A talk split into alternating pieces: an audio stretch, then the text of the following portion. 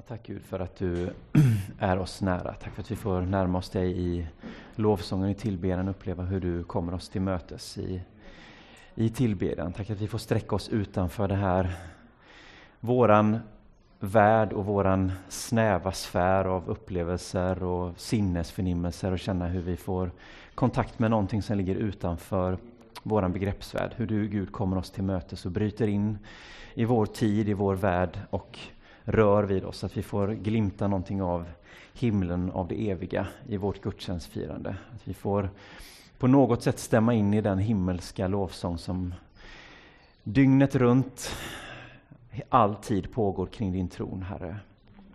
Att vi på något sätt får stämma in och med våra svaga, bristfälliga sångröster får eh, uttrycka någonting av våran kärlek till dig och vår längtan efter att du, Gud, ska få bryta in i vår värld och få möta oss, att vi får eh, liksom eh, se fram emot ditt rikes inbrytande ännu mer och ännu starkare i våran värld, i våran tid. Var med oss nu också. Jag ber att du ska på något sätt kasta ljus över eh, ordet och, och lysa upp våra hjärtan och våra sinnen. Och att du, Herre, låter oss få, få förmånen att läsa med texterna och även brottas med dem när de är, kan vara svåra att förstå, förstå svåra att ta till sig. Men att du är med oss, att du vägleder oss i den processen. I Jesu namn. Amen. Ja, jag tänkt lite så här, i våran tid så är det ju inte ofta man är först liksom om att uppleva ett visst fenomen. Jag kan tänka mig att när Neil Armstrong stod där på månen och de satte flaggan på, på månytan, då kan man säga det här är jag först med, det här har ingen annan gjort. Men eh, nu är det ju inte så ofta. Vi är inte så, jag menar världen är ju, det är ju liksom på gott och ont ganska exploaterat. Allting är tillgängligt för oss, allting är nära. Och jag har ju pratat om det här, men i och med den processen så är det också mycket som liksom har tappat lite sin glans och tappat lite sin, sin den här känslan av resonans, att liksom man är någonstans och upplever någonting som verkligen talar till en. Därför att det är så mycket i världen som redan är, som är redan upptäckt. Det finns liksom, man kommer till en plats och så, här har någon redan varit. Um, och det är inte så ofta man är först om att uppleva ett visst fenomen. Jag tänker att de flesta av oss har kanske inte varit ute och rest på länge. Vi har inte upplevt främmande länder och främmande kulturer och nya platser, men vi har kanske fått mer tid att spendera hemma, vi har kanske läst mer böcker, vi har sett filmer, vi har upplevt saker som ting som har legat lite närmare till hand, så att säga. Eh, men det är ju sällan så, att vi är, vi är ju inte först för det mesta, utan vi, vi hör någon rekommendation eller får något tips av någon och så går vi liksom, följer vi på vad någon annan har gjort. Någon annan har ju liksom redan varit där, så att säga varit före oss, och bildat sig en uppfattning och kanske gett ett omdöme. Jag läste i tidskriften, eller på deras eh, hemsida, National Geographic, natur och, och ja, välrenommerad tidning, magasin, eh, som skrev i en, eh, i en artikel förra året om att nepalesiska myndigheter hade 2019 bärgat bort 11 ton skräp ifrån Mount Everest. Eh, och det får en ju liksom att haja till lite. Dels är ju 11 ton, är ju, de flesta av oss har nog kanske svårt att liksom bilda sig ett begrepp av hur mycket skräp det faktiskt är. Men det är ju inte vart som helst heller. Det är inte, de har inte kört bort 11 ton ifrån en soptipp i liksom, Katmandu är ganska skräpigt också, där finns mycket skräp att forsla bort. Men, men eh, Mount Everest som är så fruktansvärt svårtillgängligt, tänker man. Eh, åtminstone för de flesta av oss. Ingen av er som har varit, varit där, varit i närheten? Någon som skulle vilja åka dit? Kanske? Ja? Ivar? Han har varit på gång. Eh, eh, I min telefon så har jag eh, Googles, Google Maps, Googles eh, kartapp installerad. Det är väldigt smidigt när man ska någonstans. Men den har också en funktion som man kan slå av eller på beroende på hur eh, Eh, nyttig man tycker att den är. Men jag har märkt att den, eller jag har märkt, jag låter den göra så, för att när jag har varit på en plats så kan det plötsligt dyka upp en, kommer upp en liten notis i telefonen att ja, vad tyckte du om den här platsen som du besökte? Och så får man ge ett, kan man liksom, ja men jag kan ge en 1 till 5, jag, jag rankar den här platsen hur bra den var liksom. Så igår så var vi på Liseberg och när jag kom hem på kvällen så var det en liten notis i telefonen, vad tyckte du om Liseberg? Ja men det var ju bra tänkte jag och så satte jag ett betyg där. Och jag tänker att om jag någon gång under min livstid skulle få förmånen att besöka Mount Everest, chanserna är ganska små tror jag, Eh, om inte Wilfreds klättringsintresse når oanade höjder och han behöver en kärp, inte en kärpa, vad heter det om man bara följer med? Jag tror han får kanske få kärpa, men nåväl. Säg att jag skulle komma dit, för jag är ganska säker på att jag skulle få den här pingen i telefonen om att eh, ja, nu har du varit på Mount Everest, vad tycker du om den här platsen?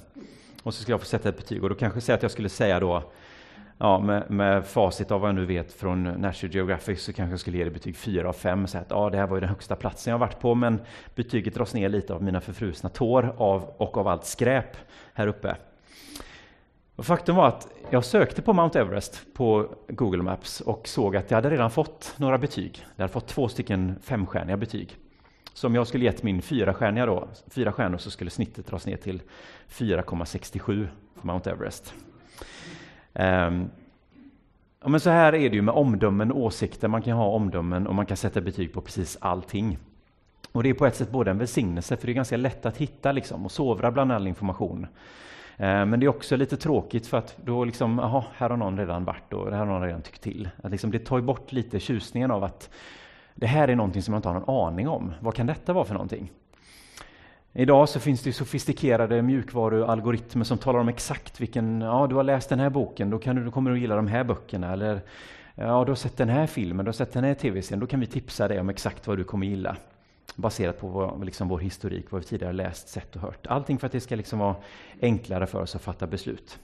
Eller säga att man ska besöka en plats, ett museum, en restaurang. Ja, men då kan vi läsa recensioner om den innan och se om ja, men är, det här värt vårt, är det här värt ett besök, är det värt våra pengar? Och det kan ju vara bekvämt. Man kommer till en ny stad och så börjar det kurra i magen och så öppnar man Google Maps eller Tripadvisor eller något sånt där och så ser man vad är den högst rankade restaurangen och vad är det för prisklass och så kan man filtrera och så hittar man något som passar. Och det är ju superbra. Kan man liksom, vilka har snabb service och vilka har mat som passar barnfamiljer eller vilken är den mest prisvärd och så vidare. Um, det förtar ju lite det här att man liksom bara hittar, bara, oj, vi gick in på en bakgata och hittade en liten eh, sådär, familjerestaurang som inte som fanns inte annonserat någonting. Det kan man ju fortfarande göra, men ofta blir det, det att man går på rekommendationer, man går på säkra kort och så liksom, ja, det är som det är. Um, och uh, även när det gäller, eh, för att liksom vända tillbaka lite nu till, till vad det här handlar om då, söndagspredikan, att vi läser ju, när vi läser de här bibeltexterna som vi utgår från i predikan och, och ja, som vi baserar i stort väldigt mycket på, så finns det också en massa uppfattningar. Det finns tolkningar, det finns åsikter och kanske inte uttryckta med betyg. Vi kanske inte, kanske inte är ett till fem stjärnor på, på allting, men vi kan säkert alla ranka några av våra favoritböcker eller våra favorittexter och, och verser. Och ganska vet också de här som vi kanske sällan slår upp för att nej, den där är lite tuff att ta sig igenom och jag, det är lite krångligt och jag fattar inte riktigt vad det handlar om. Så att den kanske hamnar lite längre ner. Och så har man sina favorittexter som man går till när man söker tröst eller man söker vägledning eller man liksom på något sätt. Vi, vi har ju, vi gör nog det ändå tror jag, även om inte det är uttryckligt med betyg på det sättet. Men det är svårt att närma sig de här texterna utan att ta hänsyn till vad har tänkts om de här texterna, vad har sagts, vad har skrivits genom århundradena. För att inte tala om våra egna läsningar. När vi kommer tillbaka till texterna så läser vi om samma texter vi har läst innan och vi har ofta en förförståelse. Jag ska inte gräva djupare i det, för det jag har gjort många gånger tidigare, det här med hur vi läser och tolkar och så vidare. Men ibland så eh, kan det ju vara, när vi läser texterna, som att vi åker till något ställe som vi har besökt många gånger tidigare. Och vi, liksom, vi vet redan de bästa ställena och vi upplever inte platsen på nytt igen på samma sätt som när vi var där första gången. Um, och klart, jämförelsen haltar lite. Det är ju i, jag tänker att varje ny upplevelse, även om det är en plats man har varit på innan, så kanske det ofta händer någonting, man upptäcker någon ny sak eller något har förändrats och så vidare. Men vi har ju våra erfarenheter, våra minnen och allting som färgar de här upplevelserna vi gör. Och samma sak då när vi läser de här texterna. Men jag tror också att det kan finnas ett värde i, på samma sätt som det kan finnas ett värde i att läsa andra människors omdömen och få tips eller vad har sagts om denna platsen och vad, det här, vad den här platsen fått för betyg och vad folk tyckte om denna innan, så kan det finnas ett värde i att förhålla sig till vad har sagts om de här texterna? Hur har de lästs genom åren? Hur har andra människor i andra tider läst och uppfattat de här texterna? För vi läser ju dem genom våra liksom, glasögon, men hur har andra människor förstått dem? Hur läste de dem utifrån sin världsbild och sin tillvaro? Så det finns ändå en, tror jag, ett värde i att gå tillbaka och titta lite i eh, hur har de här texterna tolkats innan. Och vi ska försöka göra det lite grann i den här söndagens text har jag tänkt faktiskt. Att inte liksom göra någon djupdykning på något sätt, men ändå så här, titta lite på hur har andra människor läst den här texten? Hur har man tolkat den här texten genom historien och traditionen? Men vi ska ta med oss ett litet uppslag in i den här eh, söndagens textläsning. Eh, och det är ett uppslag ifrån Nationalencyklopedin. Jag slog upp termen dilemma, för det kommer vara, eh, ni kommer förstå, tror jag, varför jag har eh, varför jag vill ha med den definitionen. Så här står det i Nationalencyklopedin om du slår upp ordet dilemma. Härigenom har dilemma i vanligt språkbruk kommit att stå för en valsituation i vilken alla de alternativa handlingsmöjligheterna som står öppna har dåliga konsekvenser. Ungefär, inom citationstecken, kinkigt läge där man är illa däran hur man än handlar. Det är ett dilemma. Där man liksom, vad man än väljer så blir det inte bra.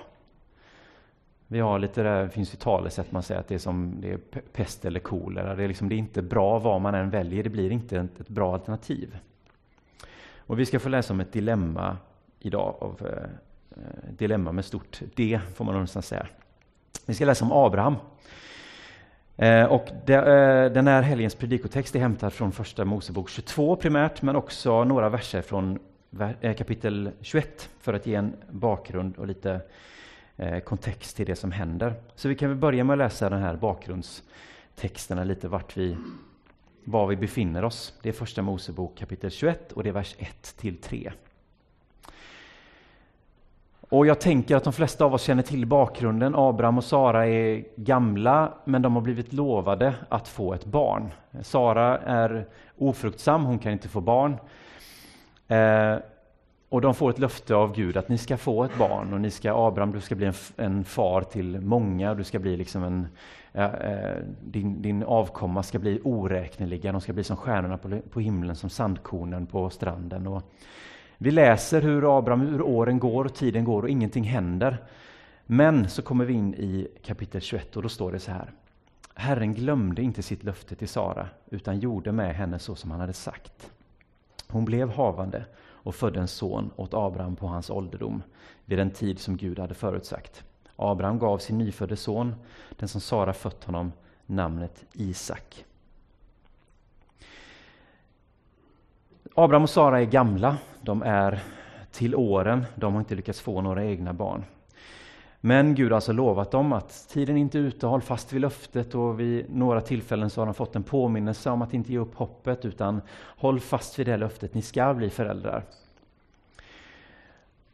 Och det är så spännande för de här texterna är ofta ganska de är ofta ganska sparsmakade med information. Det kan gå ganska långa tidsintervaller och det händer inte mycket. Det är sällan vi får en det är några enstaka tillfällen där vi får en liten inblick i vad som försiggår liksom bakom kulisserna, hur de tänker om sin situation. Det är ett, tidigare i Första Mosebok så har vi läst om hur, eh, hur eh, Abraham får besök av tre män som kommer till tältet där de bor och så pratar de och så berättar de och bekräftar det löftet igen och så står det att Sara hon står och, och ler, att hon liksom skrattar åt det de pratar om. Att hon kan inte liksom, man får kanske känslan vad det här betyder, det här skrattet. Det är, liksom, det är också omdiskuterat men att hon liksom, ja, det blir väl som det blir med det där.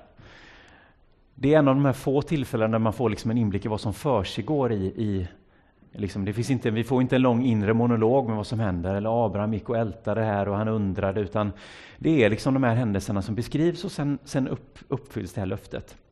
Vi får en ganska så här utifrån perspektiv på vad som pågår. Men eh, eh, ja, tiden går då och även om löftet kommer från Gud själv och de liksom får påminnelser så är det antagligen ganska svårt att hålla fast vid det i tro och i tålamod. Och det går faktiskt så långt att Sara till slut eh, uppmanar Abraham att vi får ju inga egna barn, men jag har en tjänstekvinna, Hagar. Du kan väl skaffa barn med henne, så blir det som vårt barn, för det är ju min tjänstekvinna. Um, och Abraham har då eh, Hagar, hon blir, blir eh, gravid, blir havande och föder en son, Ismael. Ehm, men när sonen, sonen väl är född så blir eh, Sara avundsjuk och när Isak föds också så börjar Sara känna att hur, vad händer här nu då? Ismael är ju äldre, han är ju liksom den förstfödde. Kommer det bli konkurrens oss emellan? Så Sara och Abraham förskjuter, eller Sara liksom tvingar Abraham mer eller mindre, ställs inför sitt första dilemma här egentligen. Vad ska vi, hur ska jag göra här? Och han förskjuter Abraham och skickar ut dem i, i öknen. Så Hagar får ta hand om, ta med sig sin son ut i öknen. Och vi kan läsa om hur Gud förser och hur Gud tar hand om dem där ute. Men det sker liksom en, en splittring där. Och Abraham tvingas, han förlorar en son redan där egentligen. Jag tänker att det är inte ofta vi tänker på det. Vi läser liksom konkurrensen dem emellan och vi tänker att ja, men Ismael var inte den riktiga sonen, Isak var löftessonen. Och så ser vi inte att det där är inget lätt beslut att fatta för Abraham. Han har en son som han har levt med hela tiden, men den här utlovade sonen med Sara kommer inte, utan det här är hans son. Och jag förutsätter att han älskar honom som vilken annan son som helst. Det är inte så att han ser ner på honom, utan Ismael är hans son. Och han förlorar en son redan i den texten, i kapitel 21, när han förskjuter Ismael. Så han har redan förlorat en son, tvingats förskjuta en, som Abraham, Gud förser och Gud tar hand om. Men han har redan gått igenom det här tuffa liksom, separationsprocessen. Men här läser vi då i, i de här första verserna hur Gud är då trogen sitt löfte och vid 90 års ålder föder Sara en son, Abraham är 100 och så de ger namnet Isak. Och det är här vi kommer in i kapitel 22 då, eh, alldeles strax. Um, ja, vi kan läsa de här verserna. Det är från eh, vers 1 till 14. En tid därefter satte Gud Abraham på prov. Gud kallade på honom. Abraham, här är jag, svarade han. Gud sa, ta din enda son, honom som du älskar, Isak, och gå till landet Moria och offra honom där som brännoffer på ett berg som jag ska visa dig. Redan här så känner man, här är en stor lucka som vi gärna hade velat gå in i och titta lite, vad är det som händer? För det står, tidigt nästa morgon sadlade Abraham sin åsna. Han tog med sig sin tjänare och sin son Isak, högg veden till brännoffret och gav sig iväg mot den plats som Gud hade talat om. Den tredje dagen fick Abraham se platsen på avstånd. Då sa han till tjänarna, stanna här med åsnan medan jag och pojken går dit bort för att tillbe. Sen kommer vi tillbaka till er. Abraham tog veden till brännoffret och lät sin son Isak bära den. Själv tog han elden och kniven och så gick de båda tillsammans. Far, sa Isak. Ja, min son, svarade Abraham. Isak sa, här är eld och ved, men var är fåret som ska offras? Min son, sa Abraham, Gud utser åt sig det som ska offras. Så gick de båda tillsammans. När de kom fram till platsen som Gud hade talat om byggde Abraham ett altare. Han la upp veden och band sedan sin son Isak och la honom på altaret ovanpå veden. Och Abraham sträckte ut handen och tog kniven för att slakta sin son. Då ropade Herrens ängel till honom från himlen. Abraham, Abraham. Ja, svarade Abraham, här är jag. Ängeln sa, lyft inte din hand mot pojken och gör honom inget ont. Nu vet jag att du fruktar Gud, nu när du inte har vägrat mig din enda son. När Abraham såg upp fick han se en bagge som hade fastnat med hornen i ett snår. Då gick han bort och tog baggen och offrade den som brännoffer istället för sin son. Abraham gav denna plats namnet Abraham gav denna plats namnet Herren utser. Idag säger man på berget där Herren blir sedd.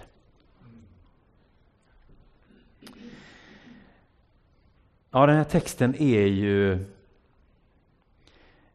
den är ganska tuff att läsa, tycker jag. Jag tycker att den är, jag menar, många av oss har läst, jag, jag kan inte minnas om vi läste den i söndagsskolan, men den är ju nästan liksom på, bland de här klassiska gammaltestamentliga texterna. Eh, Abraham och Isak. De flesta av oss känner till den här historien liksom eh, utan till.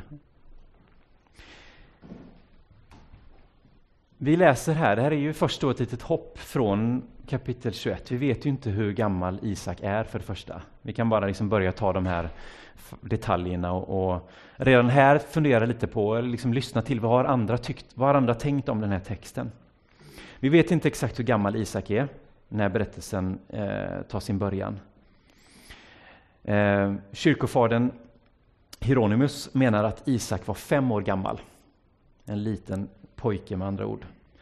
Medan den judiska historikern Josefus, som har vi vet mycket av, dem, eh, av, dem, av hans historieskrivning är sånt som bekräftar mycket av det som händer under Nya Testamentets period. Så han är en väldigt eh, erkänd judisk historiker. Han menar att Isak var 25 enligt sina källor. Det finns vissa rabbinska traditioner som menar att Isak var så gammal som 37 år gammal. Det här med, med åldrar och pojke och son, alla de här definitionerna med ålder och när är man vuxen och så vidare. Det är liksom lite mer flytande under den här tiden, vem som är en han kallas ju för pojken i denna texten. Det är lätt att tänka att ja, men det är väl den här lille nyfödde nästan, men han kan inte vara många år. Men det finns lite ledtrådar i texten. Det står att Isak bär veden själv. Eh, och det är alltså ved till ett altare. Vi kan tänka att det är ändå en, en, det är ganska mycket trä. Så att det är inte otänkbart att han ändå är lite äldre. Det är inte en liten, jag menar det är inte, jag tänker inte många vedträn jag kan lägga på eh, sjuårige Wilfred innan det blir för tungt för honom att bära. Så att vi kan, vi kan tänka att han är, han är äldre, han är vad vi skulle säga kanske i vuxen ålder. Jag kan tycka att det gör ju inte texten mer lättsmält utifrån var den är på väg någonstans. Som jag sa, båda de här texterna handlar om att Abraham ställs inför ett dilemma där han är tvungen att... Han ställs inför möjligheten att förlora en son. Han har redan gått igenom detta. Och nu får han ett nytt krav på sig. Att utsätta nu sin ende son. Den enda kvarvarande sonen. Han har inte två söner. När Isak var född, vi vet inte hur mycket tid han och Ismael fick tillsammans innan eh, Abraham försköt Ismael och Hagar. Men nu tvingas han utsätta sin enda son för livsfara. Och vi kan ju liksom se att ja, men de här båda berättelserna är lite speglar av varandra. Att liksom Abraham ställs inför det här, han förlorar en, en son, men hur Gud i slutändan förser och tar hand om och, och löser situationen så att säga på slutändan. Men Åter till det här dilemmat då, för det är viktigt att vi inte skyndar på i texten för mycket. Ja, det är lätt att läsa detta kapitlet och så, så tänker man liksom lite lätt kallsvettig så här, oh, ja, men det ordnar sig i slutändan. Det var ju inte så farligt. Abraham fullföljde ju aldrig planen att offra Isak och Gud ingrep ju innan det var för sent. Allting var ju bara ett, det var ju bara ett test och så liksom kan vi andas ut och inte behöva liksom känna det här, den här jobbiga processen som det är. Det är lite som när vi läser passionsberättelsen och vi liksom tänker att ja, men korsfästelsen är inte så farlig, för Jesus uppstår ju sen. Det är fortfarande ett lidande som Jesus genomgår, eller hur? Och båda de här berättelserna har ju ett, det finns ju ett eko av den här berättelsen även i Jesu passionsberättelse som vi kan återkomma till lite senare.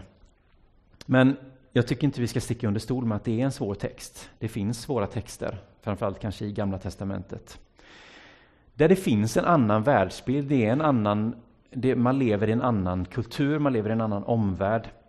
Eh, det ser annorlunda ut. Man är omgiven av kulturer där det är vanligt att man, men det är klart att man offrar ett barn. Skörden ska gå bra, hur ska vi göra för att säkra att skörden blir som vi har tänkt? Ja, någon får offra ett barn.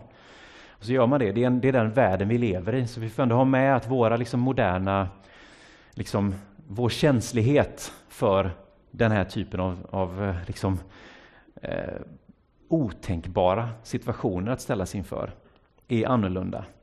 Det här går ju mot det extrema, kan vi tycka.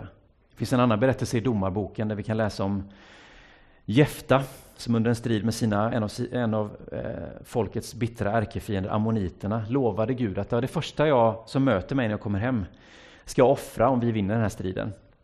Och så kommer han hem och det första som möter honom är hans dotter som springer ut och hälsar, hälsar honom till mötes. Skillnaden mellan Abraham och Jefta är att Gud hindrar Abraham innan han hinner genomföra sitt offer. Medan Jefta fullföljer sitt löfte till Gud då. Om man tycker att berättelsen om Abraham och Isak är lite tuff att läsa, då är berättelsen om Jefta och hans dotter inte särskilt mycket lättare att smälta. Men hur vad är det som får en människa att vara beredd ändå att gå hela vägen på detta sätt, att löpa linan ut på det här sättet? Tillbaka till den här dilemmafrågan. Om vi har med oss Nationalencyklopedins definition av ett dilemma, det är att stå inför två val som båda är, de är helt värdelösa. För Abraham har ju två alternativ. Antingen så följer han budet att göra detta, eller så går han emot Gud, och vägrar att följa budet. Och för Abraham så är det uppenbarligen värre att gå emot Guds påbud än att fullfölja. Om vi nu bara läser texten som den är. Om vi nu undviker att fylla i luckorna och försöka liksom utröna vad är det som händer här bakom kulisserna lite. För jag tänker att det är ju ändå så, alltså om vi bara läser texten på ytan så är det ju det som, så kan vi konstatera det att ja, Abraham kunde antingen vägra detta eller så fullföljer han och han väljer att fullfölja, alltså är han, ja, var han tydligen beredd att göra detta. Men vad är det som pågår i Abrahams sinne som inte vi får se och höra? Vad är det som får honom liksom att acceptera den här utmaningen i synbar liksom tystnad? Ja, texten är ju sparsmakad. Det sägs inte mycket. Det är, inte liksom, eh, det är ingen inre monolog där vi läser hur Abraham våndas och han brottas med den här processen, utan den här texten är full med luckor, skulle vi kunna säga. Och när vi läser så får vi själva fylla på det. Vi vet ingenting om vad Abraham tänker, för det är klart att han tänker. Det är klart att han tänker först när budet kommer, det måste vara en chock för honom. Men jag har ju redan förskjutit en son, det här är den enda jag har. Hur kan du begära detta av mig Gud? Och även om inte vi läser att Abraham protesterar, vilket han ju faktiskt har gjort innan.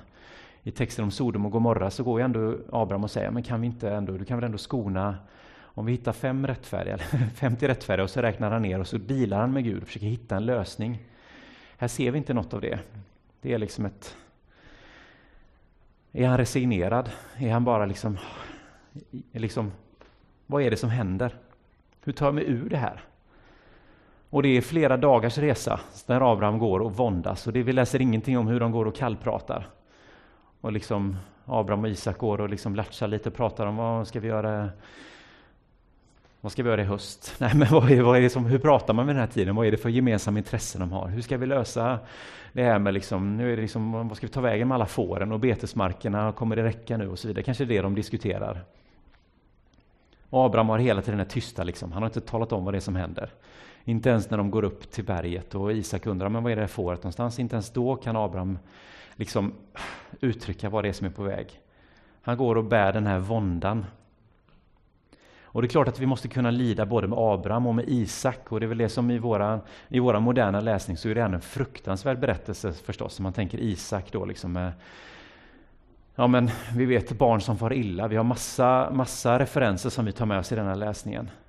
Hur liksom, hur läser vi den här texten? Hur kommer vi liksom fram till någonting som är en godtagbar läsning av detta? Och de här luckorna är inte bara någonting som moderna sinnen i våra liksom politiskt korrekta klimat liksom ska försöka lägga till rätta, utan det här har människor brottats med i årtusenden. Både i den judiska och den kristna traditionen har man försökt fylla i de här luckorna på olika sätt. Redan i litteraturen som började dyka upp under ett par århundraden före vår tideräkning ehm, det som man kallar för den andra tempeleran, när mycket av de rabbinska texterna och den rabbinska traditionen växte fram. Så finns det olika tolkningar. Det finns texter där man, där man liksom tolkar in att man, det finns både, både figurerar änglar och demoner som är med och liksom konverserar och, och, och brottas liksom och tampas fram och tillbaka med vad som händer och vad som under det här skeendet. Och visst, det dyker upp en ängel i den här texten också, men det är först i slutet. Vi läser att det är en ängel som ropar ifrån himlen till Abraham och hejdar honom innan han hinner utföra det här offret. Men det finns uttolkare av den här texten som har introducerat demoner och änglar och andra figurer i sina tolkningar. Då handlar det inte i första hand om första hand kanske att sätta upp det som en kamp mellan gott och ont, utan liksom för att diskutera liksom dialog, det, det här dilemmat som uppstår i början. Hur kan liksom Gud sätta Abraham på prov på detta sättet? Vad, är, vad innebär detta provet? Och Det är liksom frågor som har liksom fått, kommit att ha betydelse för hela diskussionen om hur är förhållandet mellan Gud och Guds folk. Är Gud en Gud som sätter på prov? Är Gud den som testar? Är Gud den som liksom tvingar oss att ge upp det dyrbaraste vi har? Det finns en judisk eh, eh, bok från 200-talet före Kristus som kallas för Jubileerboken. En skrift som idag, den räknas inte som de kanoniska skrifterna vare sig av judar eller kristna. Men eh, den citerades flitigt av många av de tidiga kyrkofäderna bland annat. Och där återberättas det här, kallas ju inte för offrandet av Isak utan bindandet av Isak eftersom Isak aldrig offras då. Och där, kommer en, där har man gjort en liksom kreativ tolkning av denna texten där boken inleds med en passage som påminner om det som vi läser om i Jobs bok. Ni som har läst Jobs bok, ni känner till att i början av Jobs bok, innan Jobb utsätts för alla de här lidandena och prövningarna, så står det att det är ett möte i himlen. Och att det finns liksom som ett, råd, ett, ett rådslag kring Gud.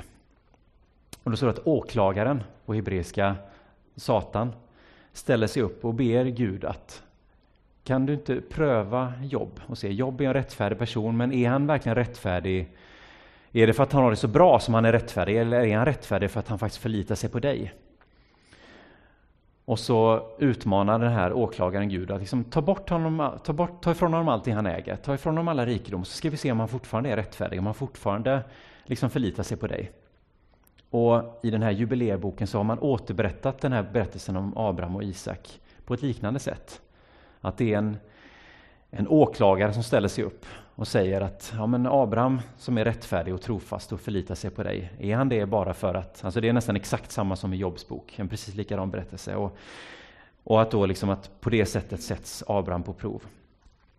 I en annan text från samma epok, samma era, liksom, så är det en annan process, men i slutet så berättas, är det, så avslutas berättelsen med att Isak säger att liksom hade han mer eller mindre omfamnat den här rollen som martyr och menar att framtida generationer kommer att omtala mig för det jag gjorde, för det jag var villig att, liksom, att ge mitt eget liv. Och där har vi också liksom en anspelning på det som kommer i berättelsen om Jesus kanske. Och jag tänker så här att den här texten är, vi måste läsa den för vad den är, eller hur? Vi har de här texterna i Bibeln. Vi har texter som är svåra att tampas med, vi har texter som vi behöver brottas med som är, det här är inte lättsmält. Det är liksom, vi kan titta på Abraham och se honom som en förebild, att han är trofast och han, han håller fast. Och, och absolut, det gör han, men vi kommer inte ifrån att det också är en situation som den är ganska svårsmält för oss att läsa. Men det jag tror att denna texten och det som så som de här texterna har läst, och de här andra traditionerna har läst och tolkat dessa texterna, eh, de lämnar mycket osagt. Och att det definitiva svaret kanske som för hur du ska Jag tror inte det finns ett definitivt svar för hur vi ska läsa den här texten ehm, och hur vi ska tolka den, utan jag tror att det är så mycket, den lämnar mycket öppet för oss att diskutera. Den lämnar mycket av de här luckorna för att vi själva ska få brottas med texterna. Vi får bearbeta dem och det är okej okay att brottas med dem. Den här texten visar på något sätt att ja, det är möjligt att tolka, den, att tolka texter på olika sätt. Och vi behöver göra det. Vi behöver brottas med texter. Vi behöver brottas och lyssna till hur har andra människor läst och tolkat dessa texter? Hur står min tolkning i relation till andra? Vad kan jag lära mig av hur andra människor har läst, läst de här texterna? Men jag tror ändå, om vi på något sätt ska landa i någonting, jag vill inte bara lämna det fritt och öppet sådär liksom att visst, vi får fortsätta brottas och kanske landa i att ja, det här är en tuff text, men vi har den och vi, vi får brottas med den. Så är den att jag tror att på något sätt så har ändå Abraham en bild och en erfarenhet av att ja, men Gud är en livgivande Gud. Att det här som Gud, det som Abraham går igenom, den här processen, den här prövningen, som han, vem det nu är som är källan till prövningen, om det är Gud själv eller om det är en utmaning från någon slags så här, åklagarfigur, så bär ändå Abraham på ett löfte och på ett bevis. Han har erfarit att Gud är en Gud som ger liv. Han har fått en son när det såg omöjligt ut.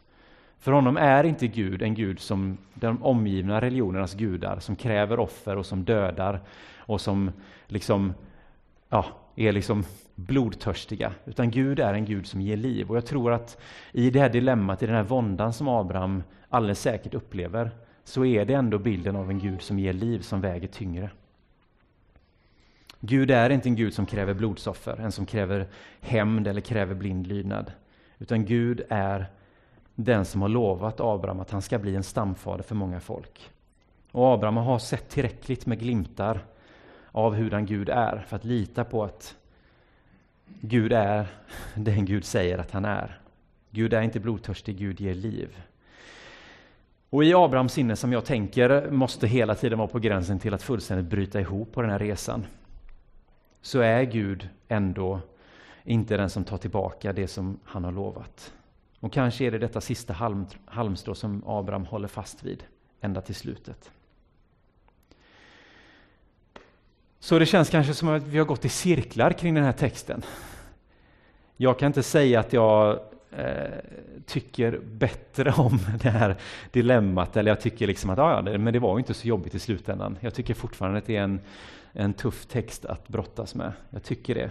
Och, um, men jag kan tänka att den viktigaste lärdomen från den här läsningen är kanske att vi måste inte alltid hitta den rätta tolkningen utan vi kan snarare konstatera att vi inte är de första som blir bekymrade eller upprörda över den här berättelsen och som ställer frågor till den här texten. Vi ifrågasätter kanske både Gud och Abraham. Hur kunde Gud göra så här? Hur kunde Abraham bara gå, gå med på det? Han var ju så ivrig att protestera för Sodom och Gomorras skull. Varför protesterar han inte? Och vi får brottas med det. Och även när vi läser andra texter. Vi är inte de första som brottas med texterna och vi kommer inte vara de sista. Men vi står i en lång, lång, lång tradition av människor som har läst och tolkat och försökt och hittat mening i de här texterna också. Jag tänker också att det är en tröst också att veta att vi är inte ensamma i våra dilemman. Även om Abraham säkert kände det så. Det är säkert flera här idag som känner att vi står inför tuffa situationer eller vi har stått inför situationer där vi, vi står inför val där vi inte, vi, vi står i de här pest eller kolera situationerna. Vi vet inte vad vi ska välja. Det verkar inte som att det finns någon utväg. Där vi kanske kan, även om inte det blir så liksom hårdraget till sin spets som för Abraham här, att behöva välja mellan att gå emot Gud och ta de konsekvenserna, eller att offra sin egen son och leva med det. Det är ju två hopplösa situationer. Sådana dilemman kanske vi inte står inför, men vi står inför tuffa val. Men vi kan veta att i slutändan är Gud där. Och jag kan känna att det kan finnas en vila i att någonstans landa i den här insikten av att jag vet inte allt. Jag har inte hela bilden. Jag ser inte hela. Jag har två pusselbitar och jag får dem inte passa ihop. Men jag ser inte hela pusslet. Jag ser inte att någonstans när allt det här är färdigt så kommer jag kunna se med perspektiv på det och kunna se meningen i det. Jag kan se poängen med det. Säkert kunde Abraham efter den här situationen säga, känna liksom andas, ta en suck av lättnad och sen känna aldrig mer, hoppas aldrig mer behöver ställas inför ett sånt här beslut. Men att han senare när han reflekterar över detta kan se att ja, Gud var ändå med. Gud var där i slutändan. Gud försåg. När Isak får, får barn, när, när den här släkten växer och växer och växer. Abraham får inte vara med och uppleva allt det, men att, att ändå leva med den här det här var en liten pusselbit jag förstod inte hur detta passade in i alltihop. Och likadant är, likadant är det så för, för oss idag. Vi är i tuffa situationer, vi ser de här små bitarna och vi får det inte att passa ihop. Vi fattar inte och så är det bara den här pusselbiten vi ser som inte hänger ihop med något annat. Men kanske att vår tröst kan vara att med, med tiden, med perspektivet så kan vi se hur Gud, du var ändå med. Jag såg det inte då, jag förstod det inte då. Jag tycker fortfarande det är konstigt. Men på något sätt så kan jag ändå landa i att det gick ihop sig i slutändan. Det blev någonting bra i slutändan. Och att det kan få vara våran tröst. Amen. Vi får lämna den här frågan lite öppen så. Får ta med oss lite funderingar och frågeställningar och tänka över detta. Ta med igen och läs texten och stanna upp vid de här. Tänk efter, vad är luckorna i texten någonstans? Vad är de här pauserna? Var är det var någonstans i texten är det jag vill hitta, liksom, här vill jag ha mer info. Här vill jag veta vad som försiggår. Vad har hänt här? Hur kunde liksom, eller vad försiggår där? Stanna upp i Isaks fråga. Var är fåret någonstans? Stanna där. Gå ett steg djupare in i texten. Vad är det som händer i Isaks sinne? Där? Vad är det som händer när de väl är uppe på berget, när han inser vad som, vad som händer? Är han protesterar han? Försöker han streta emot? Det verkar ju inte så. Vad händer i luckorna i texten? Ta gärna med er det och även i er vardagliga bibelläsning. Pausa i de här där man känner att liksom, här är någonting som jag... Hur, vad händer här? Vad fyller jag i själv redan? Så får vi ta med oss detta. Amen. Vi ska strax fira nattvard eh, och vi ska ta och be. Kanske är det så att du står inför ett dilemma. Du står inför två jobbiga val. Att vi får ta en liten extra stund och be för dig som känner att ja, jag står i ett vägval och jag vet inte vilken väg som är rätta. Båda känns fel eller ingenting känns helt hundra.